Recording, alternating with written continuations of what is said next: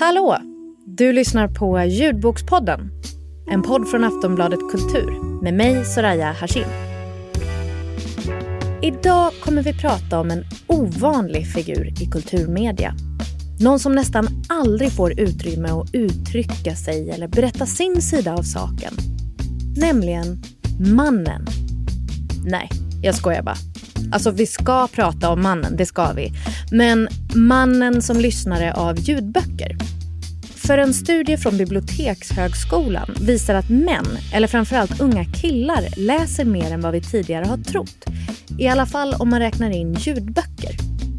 Det har ökat med tusentals procent egentligen.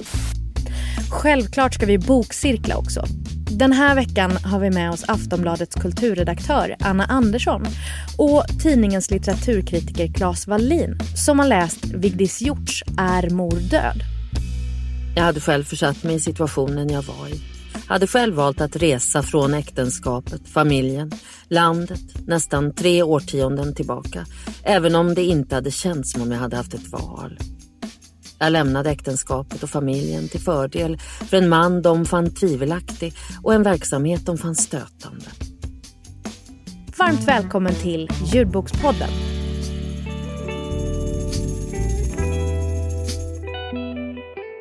Männen i litteraturen. Ja, de finns. Men män som läsare av litteratur? Nej, där ser det faktiskt sämre ut. Nyligen gjorde Novus på uppdrag av Kulturnytt en undersökning om svenskarnas läsvanor och männen, ja, de var någon annanstans. Läsningen av böcker har ökat under pandemin men nästan en femtedel uppger att de varken läser eller lyssnar på böcker. Det visar Kulturnytts Novas undersökning. Nästan var fjärde man svarar att de inte läser eller lyssnar på böcker jämfört med 12 procent av kvinnorna. Reporter Katarina Lind. Det där var från Kulturnytt. Att män inte läser lika mycket som kvinnor, det är inget nytt i sig. Det kommer undersökningar med jämna mellanrum som säger ungefär det här. Trots att männen absolut finns med bland författarna och inte minst bland de författarna vi får lära oss om i skolan som ofta känns som att de är i majoritet. Men ändå verkar killar inte känna att böcker är till för dem i samma utsträckning som kvinnor gör. Särskilt inte romaner. Och ljudböcker då? Hur ser det ut där? Jo, frågan ställs ibland när olika instanser gör undersökningar om våra medievanor som i Svenskarna och internet eller Mediebarometern de ställer frågor till ungefär 3 till 6 000 personer om hur vi tar in media. Och Det kan handla om hur ofta vi håller på med Facebook eller tittar på Aktuellt eller läser tidningar. Alltså, de frågar alltså ganska brett. Och det säger ju sig självt då att av de 3 till 6 000 personerna som deltar i de här undersökningarna så blir ju inte underlaget så stort på de som faktiskt lyssnar på ljudböcker. Av de ganska få som har svarat att de gör just det ligger övervikten på kvinnor. Även om det är jämnare än när man frågar om läsning av tryckta böcker. Men i mars förra året kom en studie från Bibliotekshögskolan gjord av Elisa Tattersall Wallin, som är doktorand där. Hon har fått gå igenom statistik från ljudbokstjänsten Bookbeat och skriver att hon tror att hennes underlag är ungefär på 80 000 användare. Alltså 80 000 personer som specifikt lyssnar på ljudböcker. Det smäller kanske lite högre än de här 3 till 6 varav några lyssnar på ljudböcker. Och hon kom fram till att den grupp som lyssnar allra mest på ljudböcker är män mellan 18 och 20 år.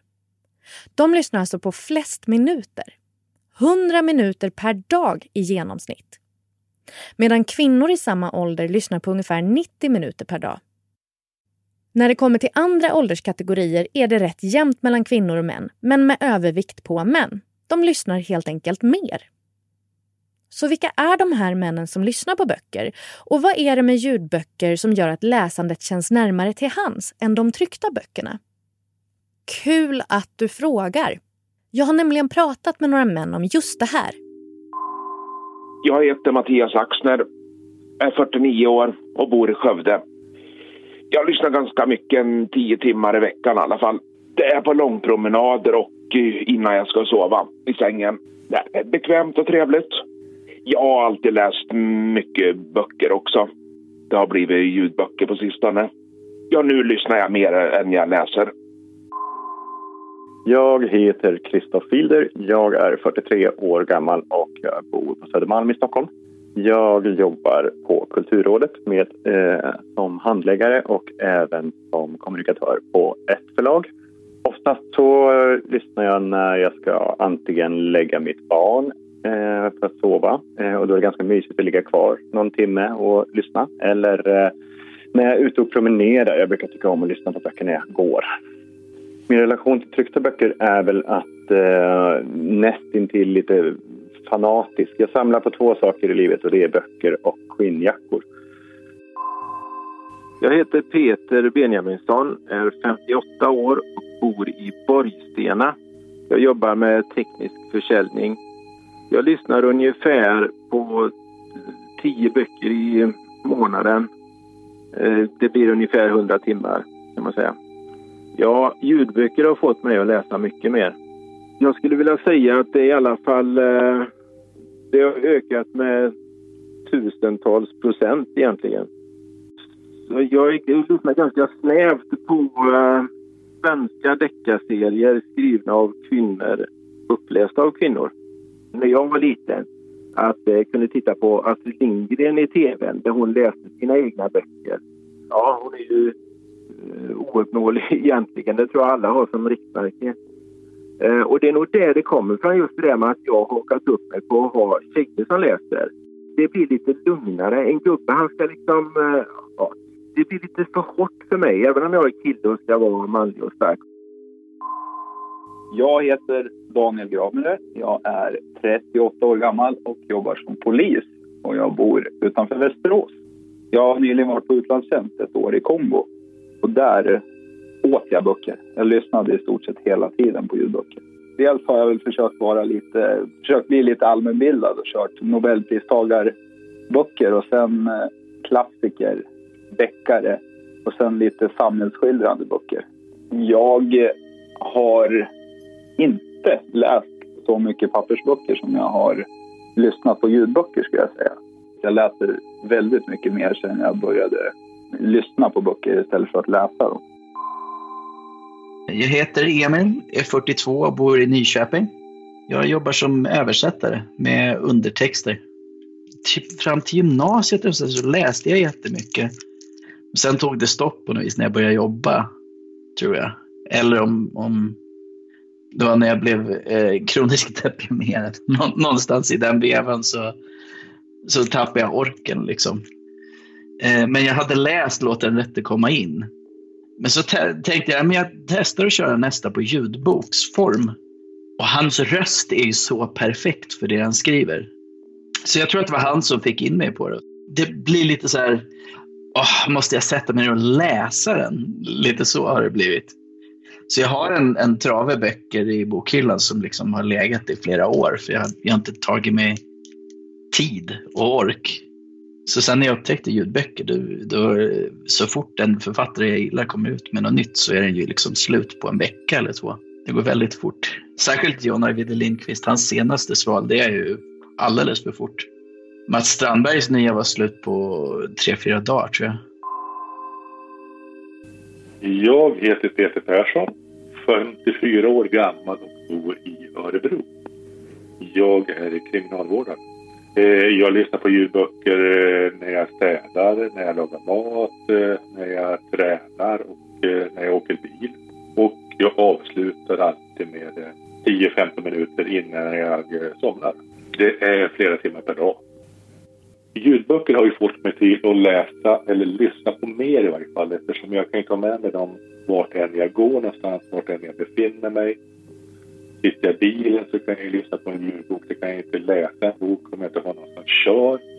Det blir mer avslappnat och eh, tar man ett långt bad då kan en vanlig bok vara bra men det är bättre med en ljudbok för min del Jag blir så nyfiken på vad det här betyder för det stora perspektivet. Kan ljudböcker ändra mäns läsvanor? Och varför är det så viktigt att just de läser? Göran Greider är författare och chefredaktör för Dala-Demokraten. Och när han hör om den här undersökningen som säger att de som lyssnar mest på ljudböcker är unga män och att de lyssnar 100 minuter om dagen i genomsnitt, då reagerar han så här. Och det, nej, jag, jag blev ju glatt överraskad över den siffran. Eh, nu vet jag inte vad de lyssnar på eller någonting, men det kanske är manualer till hur man ska tillverka bomber på nätet eller någonting. Men, men det, jag skulle inte tro det, utan det är väl historier helt enkelt som vanligt. Och det där gjorde mig glad, alltså, därför att det, det, det är otrolig domedagsstämning kring unga grabbars läsning. Alltså det, det, det, har varit det så länge jag kan minnas. Eh, just arbetarklassungdomars läsning eh, anses ju vara jätteliten och så vidare. Och, och, och, jag har alltid trott att det är det. Alltså. Men det kan ju verkligen vara så att det här med ljudboken har öppnat liksom en dörr till någonting. Jag är själv ganska mycket för det här med ljudböcker. Jag lyssnar rätt så mycket på ljudböcker. Jag och min fru väldigt mycket när vi åker bil långa sträckor. Så har vi lyssnat igenom eh, rubbet rubbet som finns av alltifrån allt ifrån Stephen King till eh, jag vet inte vad. Jag, jag blev väldigt glad när jag hörde om den där undersökningen, att det ser lite bättre ut än vad man trodde. Men låt oss gå till kärnan i allt det här. Varför är det överhuvudtaget viktigt att vi läser? Egentligen är det ju för att man vill bort från sig själv. Alltså, man ska inte underskatta poängen med, eh, vad ska vi kalla det för, flykt och eskapism och sånt där. Alltså att få lämna den plats på jorden där man råkar vara född och befinner sig och istället hamna i, i en helt annan värld eh, för tusen år sedan eller i framtiden eller i ett annat land eller någonting. Det där har ju ett otroligt värde därför att det liksom befriar oss från oss själva på något sätt. Det har jag alltid tyckt är en av de viktigaste sakerna med läsning. Eh, och det kan vara vad som helst. Jag slukade Ferrantes böcker när de kom om Neapel och därför att det var så jäkla roligt att gå omkring i Neapel. Jag, jag har ju varit i Neapel i och för sig då, men, men, men, det var inte alls samma sak som att gå omkring i Neapel inuti andra människor som man tror på. Men sen är det ju en andra grej med läsning som gäller alla då för det första och, och, och det är ju att eh, det har ett värde i att det är identifikation. Alltså, om någon eh, har en viss eh, livssituation och sen i en bok, vare sig det är ljudbok eller vanlig bok, märker att eh, det finns en skildring som perfekt berättar om ens eget liv. Alltså jag kan inte nog överskatta vilken betydelse det där har att känna att det finns en till som jag, eller det finns tusen till som jag. Liksom. Eh, flykt och hemkomst på något sätt, det, det, det är vad läsning kan ge oss. Göran Greider menar att det är viktigt för alla att läsa, men att det är särskilt viktigt för killar att göra det. Kvinnor är lite mer empatiska då. Det kan ju bero på upp, alltså att man blir tvingad till det. Man uppfostras till att vara mer empatisk med småsyskon och gud vet allt eh, sådär. Man är tvungen till det. Men jag tror att det också finns en sorts eh, eh något biologiskt där att man faktiskt har en lite, kvinnor har lite större förmåga till empati och det är lite svårare för killar faktiskt som är lite mer eh, målfokuserade av uppfostran då, eller vad det nu kan vara liksom. Eh, och då tror jag att det är extra viktigt för killar att bredda eh, sin syn på saker och ting genom att träda in i litterära världar. Då. Läsning där breddar synen och gör en lite mer, får, man får ett lite mer öppet synfält, alltså där man ser andra människor. Eh, och det tror jag är extra viktigt för grabbar, pojkar och sådär. Okej, okay. så det är alltså särskilt viktigt att män läser eftersom det hjälper en med empatin? Alltså förmågan att sätta sig in i andra människors situation. Som Göran då menar att killar generellt har lite svårare för än kvinnor. Och han säger att den här uppdelningen mellan män och kvinnor och läsande, den har alltid funnits. Det litterära, romanen romanerna och så vidare eh, har nog varit eh, rätt, alltid rätt så mycket av en kvinnosyssla. Alltså det, det, det är svårt att säga vad det där beror på. Samtidigt är det ju så att så jag tror att män alltid har suttit och berättat fantastiska historier för andra män. I jaktlaget kanske, eller vad som helst. Eller eh, för sina söner och döttrar har de berättat historier. Så att alla har ju det här historieberättandet i sig, både som en drift att själv berätta och en drift att lyssna på saker. Så att vi har ju det där, det ingår i vårt mänskliga DNA på något sätt. Va? Det är ett sätt att odla gemenskap, eh, samarbete och så vidare. Vi måste berätta historier för varandra. Vi måste lyssna till andras historier. Så att, men just när det gäller litteratur och det här just själva läsandet så har det nog varit ganska mycket genom historien kvinnor som har sysslat med det. Så, till kärnan.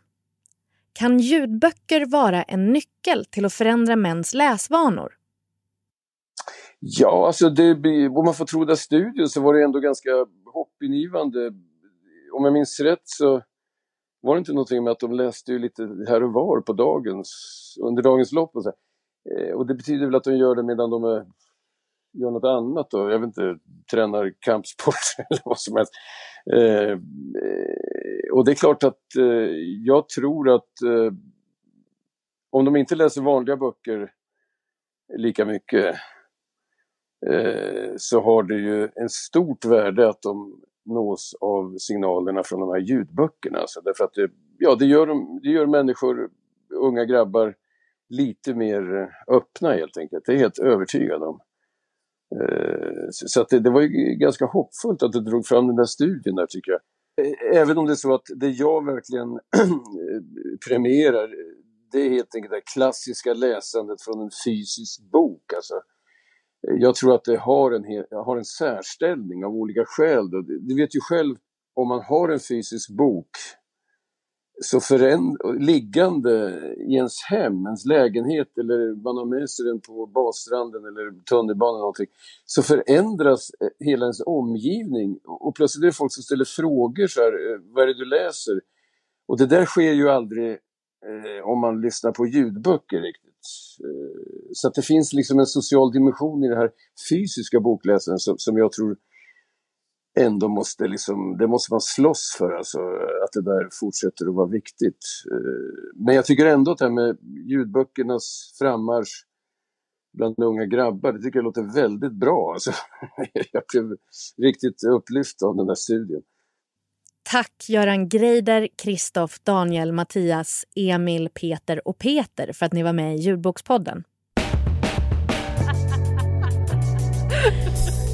Verkligen har... Så där är det bra. Där din mick går in så har du en höj och sä- eller där din uh, lur går in. Till veckans bokcirkel har vi bjudit in Aftonbladets kulturredaktör Anna Andersson, en veteran i det här sammanhanget Det kan nu. man säga. Ja. Jag börjar bli varm i kläderna. Ja. Och en nybörjare, Claes Wallin, eh, som bland annat är Aftonbladets litteraturkritiker. Varmt välkomna båda två. Tack. Tack, tack. Klas, berätta om eh, dina känslor kring eh, ljudböcker. Nu, nu har du ju precis lyssnat på din första. Det är första gången jag lyssnar på en ljudbok. Eh, Som kuriosa har jag en gång i tiden läst in ljudböcker. Eh, fackböcker för blinda. Eh, för många, många år sedan. Så de hade inte så mycket val. Helt enkelt. Nej, men det är enda gången, eller första gången som jag har lyssnat på en ljudbok. Och det finns saker att säga om sånt.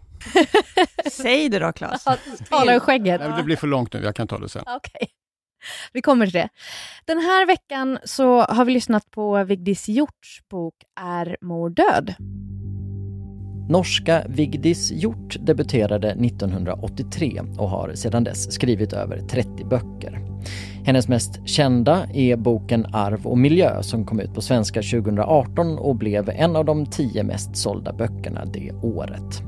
Boken blev startskottet på en stor diskussion om vad en författare får skriva om levande personer, som vi berättat om tidigare här i ljudbokspoddens tredje avsnitt om autofiktion. I sin nya bok Är mor död lyfter Vigdis Hjort bland annat temat om vad en familj har att säga till om när en familjemedlems konstnärliga verk kan uppfattas handla om dem. Boken handlar om konstnären Johanna som flyttade från Norge för 30 år sedan och sedan många år inte haft kontakt med sin familj som består av hennes mamma och syster. Anledningarna till deras uppbrott är många. Att Johanna valde att lämna sitt trygga liv i Norge och bli konstnär istället. att hon inte ens kom till sin pappas begravning och att hon målat verk som skildrar en mor och hennes barn på ett osmickrande sätt som har fått Johannas mamma att skämmas eftersom det är tydligt för henne att verket handlar om henne. Är mor död har blivit nominerad till Nordiska rådets litteraturpris och som ljudbok är den sex timmar lång. Inläsare är Gunilla Leining. Översättare är Jens Hjälte. Klas och Anna. Jag gissar att ni hade läst Vigdis gjort tidigare. Mm. Ja, jag har Ja, läst ja. Arv och miljö. Mm. Vad, vad är era känslor eh, generellt för hennes stil, hennes litteratur? Ja, hon, alltså, hennes sätt att, man kan, det är en slags provokationer som hon gör i sin, de böcker jag har läst i alla fall och även i den här som jag då inte har läst men har lyssnat till. Eh, I och med att man får ju tänka på det norska klimatet som är lite mer konservativt än här. Med familjen är mycket heligare, religionen har fortfarande en ganska stark plats i Norge och nationalismen likaså. Så att den provokation som hon gör där eh, kanske ändå mattas av lite grann när den, kommer, när den flyttas över till andra länder, till Sverige i alla fall. Så, som de, i de här sammanhangen måste anses lite mindre bak, eh, konservativa, eh, kulturkonservativa än Norge då, gärna. Det, det är liksom lättare att provocera i Norge än i Sverige skulle jag säga. Mm. mm. Men jag tycker att när hon flyttar över hit så, alltså jag, Claes har nog rätt i att liksom det som kan vara väldigt laddat på hemmaplan laddas ur lite här. Men samtidigt så uppfattar jag henne som en författare som liksom skriver något slags sanningsanspråk och då menar jag inte liksom verklighet, utan jag tycker att hon, hon skriver på ett sätt som känns, alltså det känns sant. Och jag kan förstå om anhöriga känner igen sig och tar illa vid sig, för det är ju inte så smickrande det hon skriver. Hon skriver ju ganska hårda porträtt, men även, även eh, självporträtt. Nu ska man ju inte tänka att, att författaren är protagonisten i boken, men det är liksom, eh, ja, hon skriver ganska skarpt och sant, så upplever jag henne. Det är lite som en tryckkammare som att hon liksom samlar ihop och sen så kommer allting Mm, ut i, mm. i någon slags Väldigt destillat. organiserat eller destillerat. Vad, vad, hur tycker ni att just Är mor död håller sig i jämförelse med hennes andra böcker? Jag har ju bara läst Arv och miljö tidigare och eh, jag tyckte nästan att den här var ännu bättre. Jag tyckte om Arv och miljö ska jag säga, men jag tyckte att den här var jättebra. Jag kan inte riktigt svara på det eftersom jag bara har hört den. Jag har inte läst den så att jag har alltså inte, eh, jag kan inte göra en rättvis jämförelse på det sättet. För det kändes så lång, den upplevelsen kändes så långt Ja, ifrån är, att inte, läsa. det är inte frågan om vad det känns utan det är vad det är. För det är ju faktiskt, jag lyssnar till en tolkning av en tolkning. Mm. Den är skriven på norska, översatt till svenska och sen uppläst utav en annan, en tredje person så att säga. Eh, och jag kan komma in på det sen här att det finns vissa saker som gör att jag inte riktigt vet vad där står Okej. i boken. Ja. Intressant. Eh, boken har ju många olika intressanta delar. Det är uppbrottet i familjen mellan huvudpersonen Johanna och hennes mamma och syster. Det är hennes tankar om att välja sitt eget liv, skulden som familjen anser att hon har gentemot dem eftersom de har investerat i henne under hennes uppväxt. Eh, att Johanna kommer tillbaka till sin hemstad som 60-åring och nästan blir besatt av sin mamma och försöker få kontakt med henne. Och i, ja, ja, men hon stakar ju henne, det är ju det hon gör. Blir besatt. Ja. Ehm, vilket av alla dessa element som ändå var i den här boken tycker ni att Vigdis Hjorth får fram bäst? Eller vad berör er mest av de här olika? Alltså inledningsvis så tänker man ju att det är en, en vuxen i övre medelåldern kvinna som verkligen vill ha kontakt med sin gamla mor. Alltså mamman är 85, hon kan ju dö när som helst. Och det, och det känns väldigt så här mänskligt. Ja, det är klart att man ska försöka läka ihop så här sår. Samtidigt som den här besattheten ökar mer och mer och blir liksom konstigare och konstigare, så börjar man ju mer tänka så här, har inte hennes mamma och syster rätt? Är hon inte, är inte det här, hon försöker trigga igång sitt eget för, eh, konstnärskap, därför att hon kan ju inte måla. Hon har ju flyttat hem till Norge och kommer inte loss. Hon ska, det ska vara en stor retrospektiv, hon har lovat nya verk och det händer ingenting. Så att, ja, alltså är det, jag tycker att det är jättespännande det hon gör där. Liksom. Är hon inte en konstnär på jakt efter stoff helt enkelt? Jag vet inte. Nej, jag vet inte heller, men eh, just det här med att hon, den sympati man inledningsvis kan uppfatta hos jaget här, att den faller mot slutet. Mm. Just i och med att hon är besatt verkligen. Mm. det, det är ju lite... Mm, och beter sig ju respektlöst. Ja, Det ja. får man ju säga. Ja. Även om som sagt var man inledningsvis verkligen sympatiserar med idén att läka ihop det här såret i familjen. Liksom. Det- Ja, det är fortfarande någon slags tonårsuppror. Ja. ja. Anna, du har ju med dig ett klipp. Vad är det Mm. vi ska lyssna på för någonting? Vi ska lyssna på en minut där, eh, därför att de har ju aldrig kontakt, utan Johanna går hemma i sin lägenhet och sin ateljé och liksom hittar på ett liv för sin mamma. Hon föreställer sig vad hennes mamma gör just nu. Och de har alltså inte träffats på 30 år, hon har inte ens sett sin mamma. Hon vet inte hur hennes åldrade mamma ser ut, utan, men hon liksom föreställer sig, hon skriver, jag diktar fram henne. Så det handlar här om. Mamma klär av sig, lägger kläderna på en stol. Är det i detta ögonblick hon känner sig som mest ensam? Hon är blek, hon har ännu inte rest söderut. Jag minns mammas vita hud, fräknarna på bröstet, solbrändheten i kinderna, alla somrar på fjället. Hon tar på sig pyjamas och över den en ullkofta i kashmir som inte ska vikas utan hänga på galge. Mamma tar på sig tofflor och går ut i vardagsrummet. Sätter sig i fåtöljen och sätter på tvn. Hon ser en dokumentärfilm om vilda djur i Afrika. Det är lugnande, därför låter jag henne se det. Ståtliga antiloper med vit buk betar under en hög blekblå kenyansk himmel. Solen skiner på slätterna som har samma färg som djuren. Det är varmt där, medan det blir kallare här. Hösten kommer och den som upplevt många höstar känner igen den. Mamma längtar efter värme, men vill inte till Afrika. Varför valde du det här klippet? Nej, men jag tänkte bara att det visade på just det här, äh, den här dikten hon skapar runt sin mamma, eller fiktion, historien runt sin mamma. Sagt, de har inte setts på 30 år och ändå föreställer sig hur koftan ser ut och så här, äh, ja, det är väl en konstnär som skapar kanske. Mm. Det är ju, man, man, ehm, jag tycker det är intressant det ni pratar om det här med liksom hur, man ser, hur man verkligen, verkligen ser allting genom Johannas ögon. Mm. Allting är genom Johanna. Mm, vilket, det är väldigt konsekvent ett Ja, perspektiv. det är ju monolog. Ja, Ja. ja. Vad, vad tycker ni om Johanna? Vad känner ni för henne? Nej, men som vi sa inledningsvis känner man ju sympati. Och man känner att eh, hon, hon, det är en ganska perifer figur, men det finns ju ett hemskt, hemskt fadersporträtt eh, i den här boken också, ska vi säga.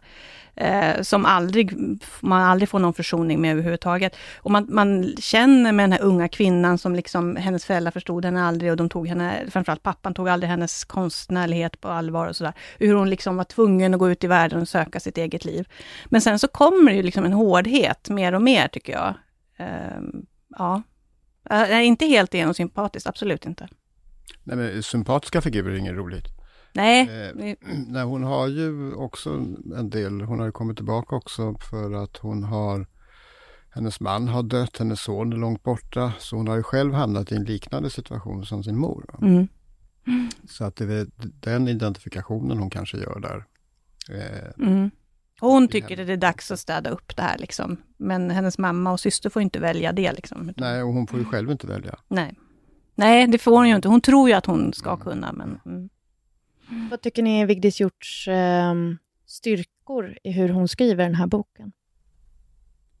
konsekvensen skulle jag säga. Att man verkligen bara får ett perspektiv, att hon aldrig frestas ta in någon annan. Utan, eh, som sagt, jag upplever det som väldigt... Man, man kommer nära sanna känslor på något sätt. Jag tycker det är jätteskickligt. Hon är ju otroligt hyllad. Är det någonting ni saknar i den här romanen? Nej, inte Den är, den är en femma rakt av. Ja, men Femma kanske, vet jag inte, men- Kanske skulle det här konstnärskapet integreras på ett annat sätt. Jag menar, man kan mycket väl läsa det som en författare lika väl som en Mm. målare. va? Mm. Och det där skulle kanske kunna göras mer av.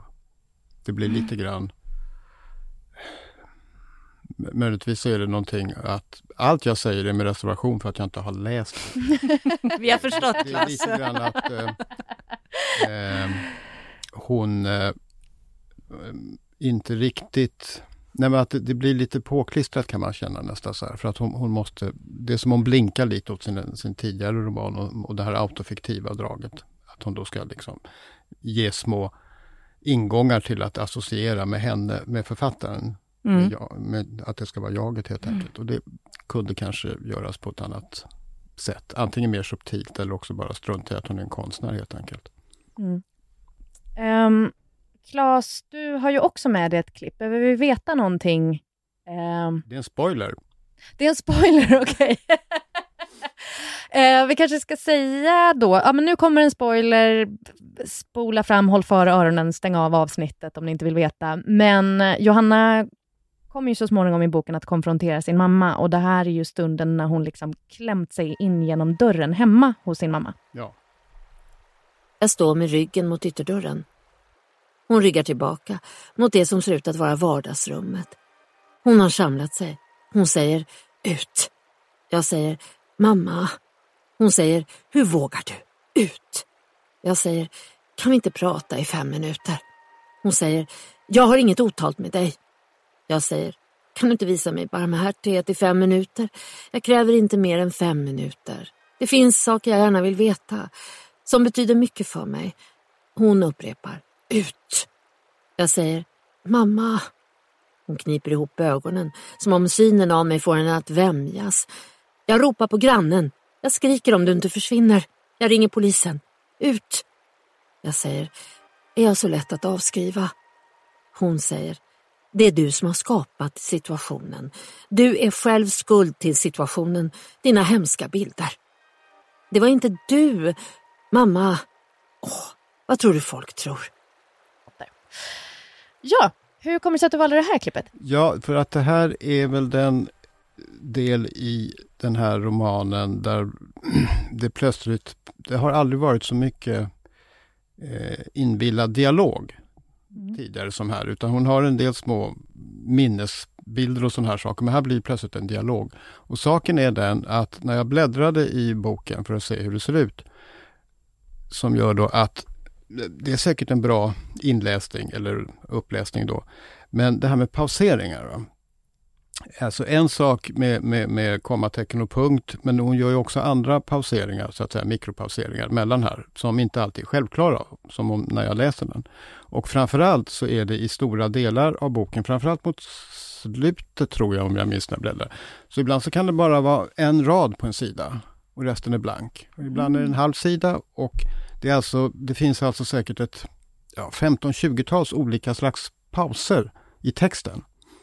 Och det här kommer inte fram i en uppläsning, utan hon kan inte, hon kan inte vara tyst liksom i fem sekunder eller sånt där, utan hon måste ju läsa, lite, läsa upp det här lite, lite fortare än det står. Och det gör ju också att den rytm som finns när man läser romanen, den försvinner helt enkelt när man lyssnar till den. Eh, och, eh, och här då när hon gör den här dialogen, den tittade jag också på då. Eh, för där så blir det en helt annat, ett annat slags intensitet som text för mig i alla fall, än när man lyssnar på den. Eh, den är mycket mer eh, här blir den liksom lite expansiv, utåtriktad, men där i, som text på sidan så är den mycket mer komprimerad och liksom infälld i sig själv där, som gör den starkare faktiskt. Eh, så att det där eh, är så att säga ett problem med uppläsningar. Eh, eftersom det finns så mycket i boksidorna, det, det grafiska och annat.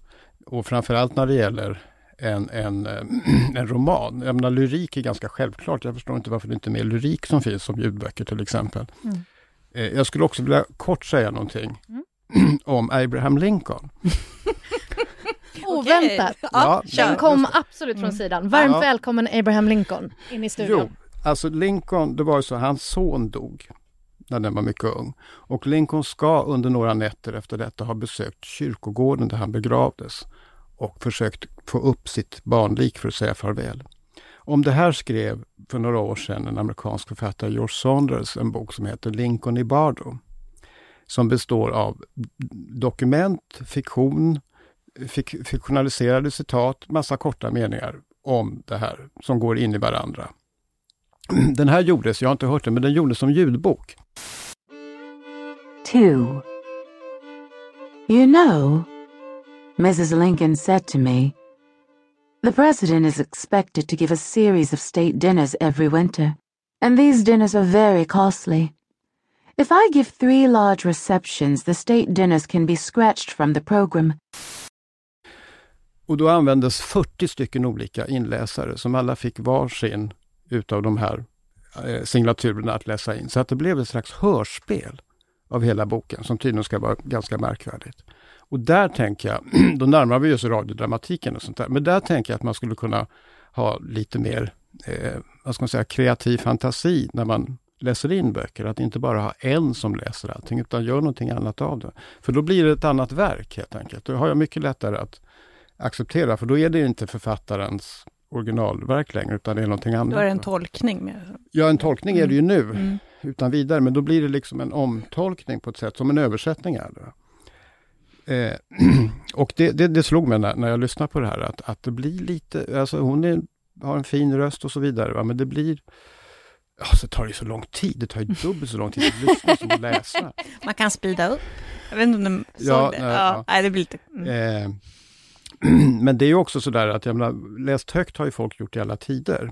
Eh, ända ifrån eh, antiken då det inte fanns någon mellanrum mellan orden som man var tvungen att läsa högt.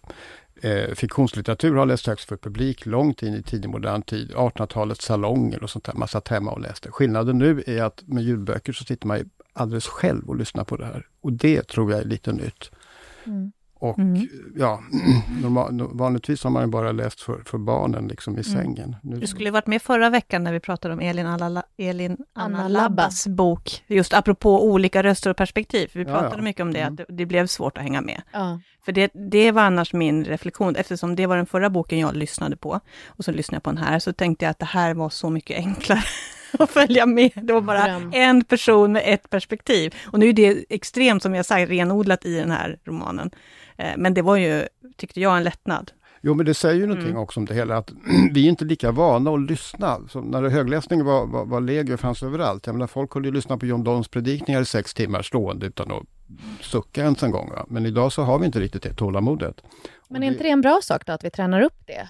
Ja, om det är det man tränar upp, men, men eh, det vet jag inte. Alltså det är naturligtvis bra att träna upp ett, ett tålmodigt lyssnande. Det är klart att det är. Men, men frågan är också vad man då, till vilket pris och där. Om, om man ser det som ett alternativ mot att läsa så tror jag inte det är ett bra alternativ. Alltså. För det är en annan sak och du får inte de, du får inte den träning i att lyssna på en roman som du får av att läsa den. Va? Nej. Är Du, är inte med, du, vill liksom, du blir lite utestängd ifrån det, för du får den här tolkningen. Du får ju hennes läsning av det. Du får inte dina egna associationer. Du kan inte heller bläddra tillbaka och se vad det här var, men vad det hur har, var någonstans i dramaturgiska skalan befinner sig. Det här, är det precis mitt i boken eller hur är det? liksom? Men som en komplettering då? Ja, som en tolkning. Nej, men alltså att lyssna på böcker som en komplettering till andra böcker man läser. Att man lyssnar på vissa böcker och läser andra. På det sättet kan man ju också få in möjligtvis fler böcker. Till exempel då om man är en väldigt upptagen person eller sådär, att man inte hinner läsa väldigt Det mycket beror böcker. på vad det är för slags böcker som man är ute efter. Ja, Eh, faktiskt, för som sagt, det tar ju dubbelt så lång tid att lyssna som att läsa. men du kan ju göra det medan du gör något annat, tänker jag. Ja, men hur, hur väl koncentrerar du dig då? Jaha, mm. ja, det är väl lite olika då. Jag ska berätta lite om Gunilla Leining också, som har läst in den här boken. Hon är en oerhört erfaren och eh, uppskattad inläsare eh, när man tittar i de olika Facebookgrupperna för ljudböcker. När jag började räkna titlarna som hon har läst in på den ljudbokstjänst som jag använder så tappade jag tålamodet någonstans runt 360 titlar. Eh, och hon har fått priser för, eh, för sina inläsningar. Hon, hon är som sagt väldigt uppskattad av eh, lyssnarna. Vad, vad tycker ni generellt om hennes, eh, eller jag kanske ska fråga dig Anna då, som ändå har lyssnat på lite fler böcker. Eh, hur, vad tycker du om hennes inläsning? Jag tyckte den var bra. Alltså det hörs ju att det här är ju ett proffs. Mm. Det är verkligen liksom, det är jätteintressant det Claes sa om, eh, om pauser och, och liksom fraseringar och sådär, för det är ju sant. Mm. Inte ens ett proffs kan ju få fram att det här står en rad på en sida. Men jag tyckte att det var eh, liksom, väldigt behagligt att lyssna på i all enkelhet. Ja. jättebra.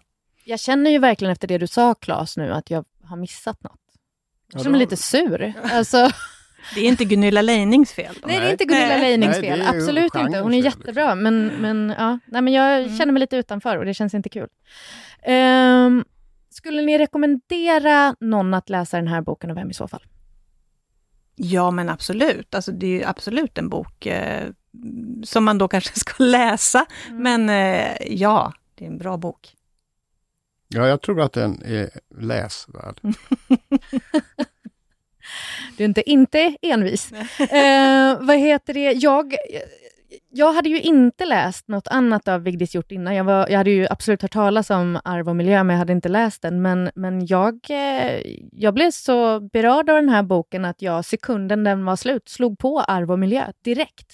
Mm, För jag tänkte att nej, men jag måste ha mer av det här. Vad var det som du greps av? Nej, men alltså både berättelsen, hur den lästes in och eh, språket. Det kom så nära.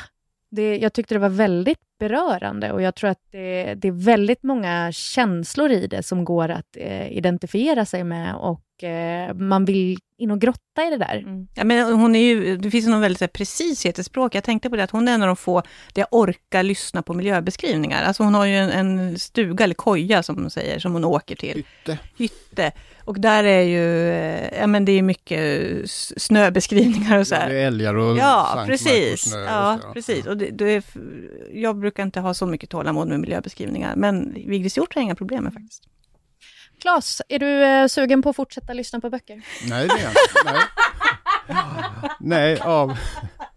Nej, alltså inte utav det här slaget. En helt annan sak om det är dikt eller om det är teater eller om man gör något roligt av det. Jag tror man kan göra jätteroliga saker i... Man kan naturligtvis, det vet, vet vi sedan åratal och decennier tillbaka, man kan göra jättefina saker i, med ljud helt enkelt, Mm. uppläsningar och sånt där. Men att bara läsa, att bara lyssna på en uppläsning av en bok, det kan vara intressant om det är författaren själv som läser upp det, för då får man författarens tolkning om det, eftersom alla texter ändå är, de är inte stabila på det sättet. Eh, Så då är det ju intressant, tycker jag, att höra vad, hur en författare läser sin egen text. Mm. Men, men känner du dig ändå nöjd med att du har testat det en gång? Liksom? Ja, man ska väl testa rätt mycket en gång, kanske inte allt, men det mesta. Tack så jättemycket Anna Andersson och Claes Wallin för att ni var med och bokcirklade med mig. Tack själv. Tack. Ljudbokspodden är slut för idag och vi som har gjort programmet är producent Martin Ågård och panelen bestod av Claes Wallin och Anna Andersson. Jag heter Soraya Hashim och Ljudbokspodden är en produktion från Aftonbladet Kultur. Hej på er! Du har lyssnat på en podcast från Aftonbladet. Ansvarig utgivare är Lena K Samuelsson.